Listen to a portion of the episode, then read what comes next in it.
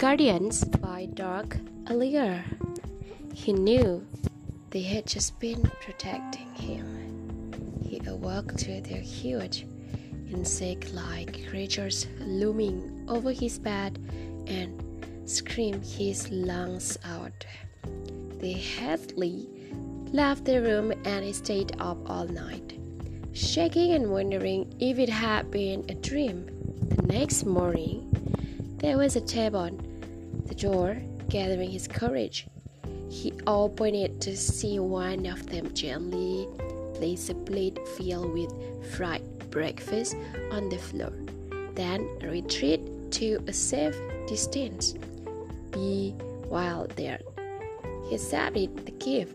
The creatures cheat, excitedly. This happened every day for weeks.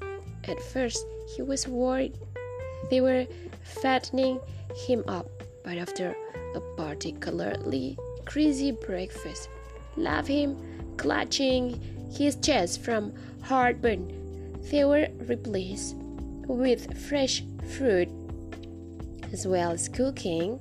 They poured hot, steamy baths for him and even tucked him in when he went to bed. It was bizarre.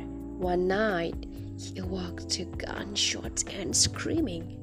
He raced downstairs to find a decapitated buckler being devoured by the insects.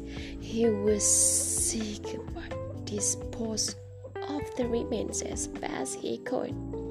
He knew they had just been protecting him. One morning, the creatures wouldn't let him leave his room. He lay down, confused but trusting as they ushered him back into bed. Whatever the motives, they weren't going to hurt him. Hours later, hours later, a burning pain spread throughout his body. It felt like his stomach was filled with a red wire.